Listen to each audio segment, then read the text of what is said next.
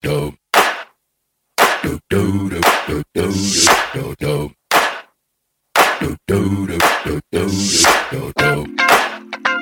Do do do do do do do.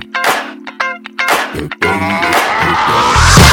Hoi, mijn naam is Jaldara. Hallo, mijn naam is Briant en wij zijn van Briant en Jaldaro.com. Wij zijn relatie- en transformatiecoach en wij zijn de designers van My Miracle Mastermind. En vandaag gaan we het hebben over het thema eh, Geef jij de ander autoriteit? Puntje, puntje, puntje. Om?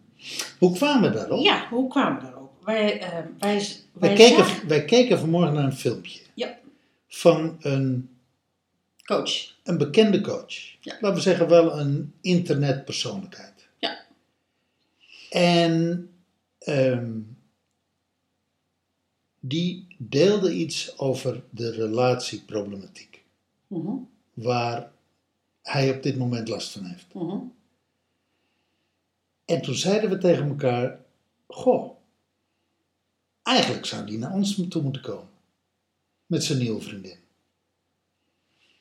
We hebben alle tools in huis, we hebben alle know-how in huis, we hebben alle kennis in huis, we hebben alle, alles in huis om exact dat te bieden wat ze nodig hebben om daaruit te komen. Ja, ja,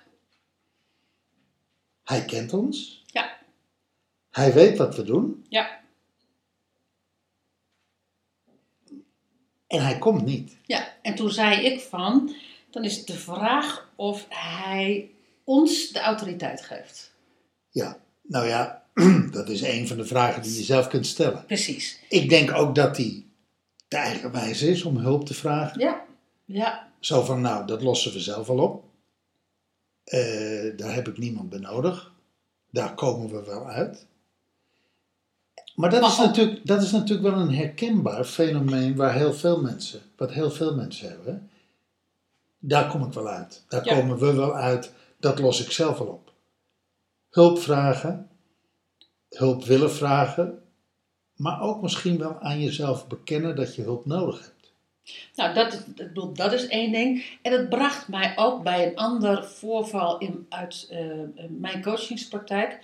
Eh, mijn businesspraktijk. eh, daar had ik op een gegeven moment had ik een ondernemer die ik coachte.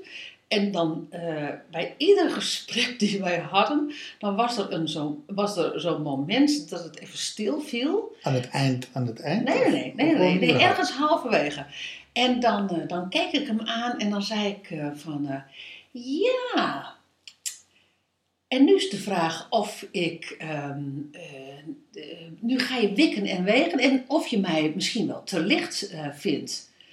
En, ehm, en iedere keer zei hij van, ja. Zei hij, ja, dat is inderdaad waar. Dat zat het net te wegen. Hij zegt niet dat jij te licht bent, maar ik vroeg me wel af van, hmm, geef ik haar wel de autoriteit dat zij iets over mij mag zeggen, of dat ze iets over mijn situatie mag zeggen, of dat wij daar samen in verder gaan.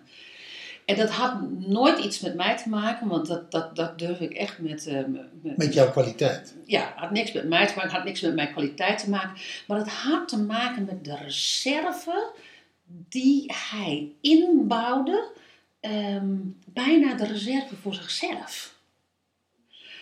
En het was altijd een moment als dat plaatsvond van ehm, sluit ik de poort of open ik de poort?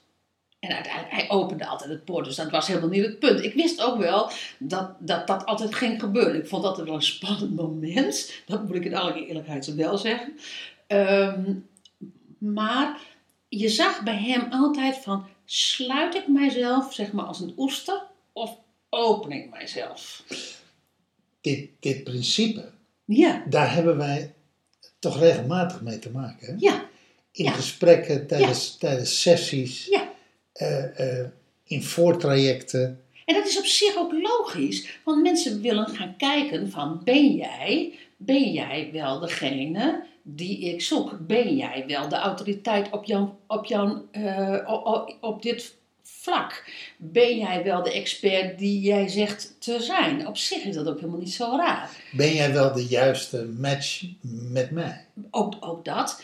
Vind ik, gun ik het jou? Vind ik jou aardig? dat, dat zit er allemaal in. En tegelijkertijd zit daar in die vraag: ehm, geef ik jou de autoriteit tot, zeg maar, mijn leven? Daar zit een, daar zit een vorm van ehm, intellectueel weerstand in. Intellectuele weerstand. Intellectuele weerstand. Bijna alsof het gewoon ehm, eh, volgens een bepaald lijstje afgewerkt moet worden en dan geef ik jou de autoriteit. Terwijl eigenlijk, en dan gaat het helemaal niet over ons, laat dat helder zijn voor de, voor de luisteraar, eh, maar terwijl eigenlijk als diegene die afweging niet zou maken op die manier, van, vanuit die vraag, dat er die, want die voelt aan zijn water dat er iets te halen valt. En dat is waarom dat die vraag opgeworpen wordt, omdat je daarmee het intellectuele weerstandsgebied inkomt.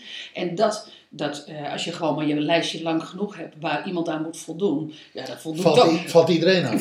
daar, daar voldoet hij toch niet aan. Weet je dat?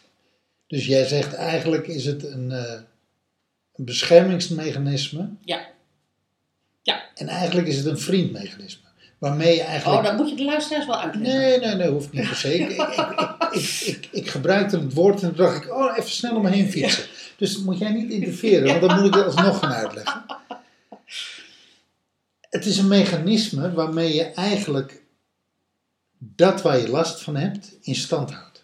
Ja, het, het is een mechanisme waar, waar, waarin je, waarin je, ehm, je een bescherming om je, heen, om je heen zet of om je heen houdt, waardoor je dus niet, ehm, eh, waardoor je er dus niet doorheen breekt. Dat is eigenlijk het hele verhaal. Waardoor je eigenlijk niet uit je comfortzone Ja. gaat. Ja. waardoor Ja. je eigenlijk in je oude patroon rond blijft Ja. Ja, en als ik dan terugga naar die ondernemer, rommelen. ja. die mij dan zat te wegen. Het was echt letterlijk, ik kon echt letterlijk voelen dat ik dan op zo'n weegschaal stond. Eh, zo van, nou weet je, te licht of te, eh, nooit te zwaar, maar altijd te licht, zeg maar. Hè. Ehm, ja, dat is een, dat is, ehm, dan, komt, dan gaat dus het lijstje in werking. Zo van ehm, eh, vinkje, vinkje, vinkje, kruisje, kruisje, kruisje, kruisje, kruisje. Nou, en dan is het maar, en daar kan je dus nooit aan voldoen. Maar goed, het gaat niet over mij. Het gaat erom dat diegene het lijstje eh, op tafel legt. En dat diegene dus aan het strepen is. Maar eigenlijk dus met het idee van... Nou weet je, ik ga het lijstje zo afwerken dat ik dan niks hoef. Ik herken het wel in mijn leven. Herken jij het? Eh, ja, ja, ik herken het ook. Ja, ja. Hoe herken jij het? Nou, ik heb, ik heb, eh, ik zou je zeggen, ik kom het gewoon praktisch. Hè. Nu, tegenwoordig, in, in, in deze fase van mijn leven hier, terwijl we op Kreta zitten, terwijl we digitale nomaden zijn, kom ik het tegen in het maken van nieuwe, het sluiten van nieuwe vriendschappen, het aangaan van nieuwe vriendschappen, het aangaan van nieuwe verbindenissen, emotionele verbindenissen met mensen. Oh ja? Ja, eh, eh, ik weeg eigenlijk iedereen die ik tegenkom van, eh, nou, weet je, vind ik jou interessant genoeg? Eh, vind ik jou leuk genoeg? Eh, heb je me wat te vertellen? Heb je me wat, voeg je toe aan mijn leven? En ik merk dat ik best wel kritisch ben. En, en jouw lijstje wordt ook steeds langer, waardoor... Nou nee, dat valt wel mee. Oké. Alleen, alleen misschien moet ik dat anders zeggen. Ik merk dat, ik, dat er niet zoveel mensen aan mijn wensen voldoen. En was dat anders als in Amsterdam? Ja, dat, dat, dat blijf ik zeggen. Ik heb, het, ik heb het jou vaker verteld. Amsterdam, daar, daar staat op iedere hoek wel iemand die boeiend of leuk is. Ja, oké. oké. Waarom? Dat mijn theorie is altijd geweest, in Amsterdam komen alle zwarte schapen van Nederland bij elkaar. Dus alle zwarte schapen uit, een, uit iedere familie, die vluchten naar de grote stad. En de leukste grote stad, er zijn er maar twee eigenlijk, of Rotterdam of Amsterdam. Nou ja, afhankelijk van het soort mens wat je bent, kies je voor Rotterdam of kies je voor Amsterdam. Ja, dus... Maar goed, Breda ook en Eindhoven ook en Arnhem en Nijmegen ook. De grote stad, hè? Ja. Maar in dit geval dus Amsterdam. Dus Amsterdam zit vol met zwarte schapen. En het zwarte schaap in een familie is vaak wel een interessante figuur. Ja, en jij als zwarte schaap ont, eh, Ontmoet ontmoet graag ander- zwarte schapen. Schapen, ja. Ja. En hier Ja, ja, ja. ja, kom ik... eh, eh, Geen zwarte schapen tegen. nou jawel, maar dat zijn dan vaak Grieken.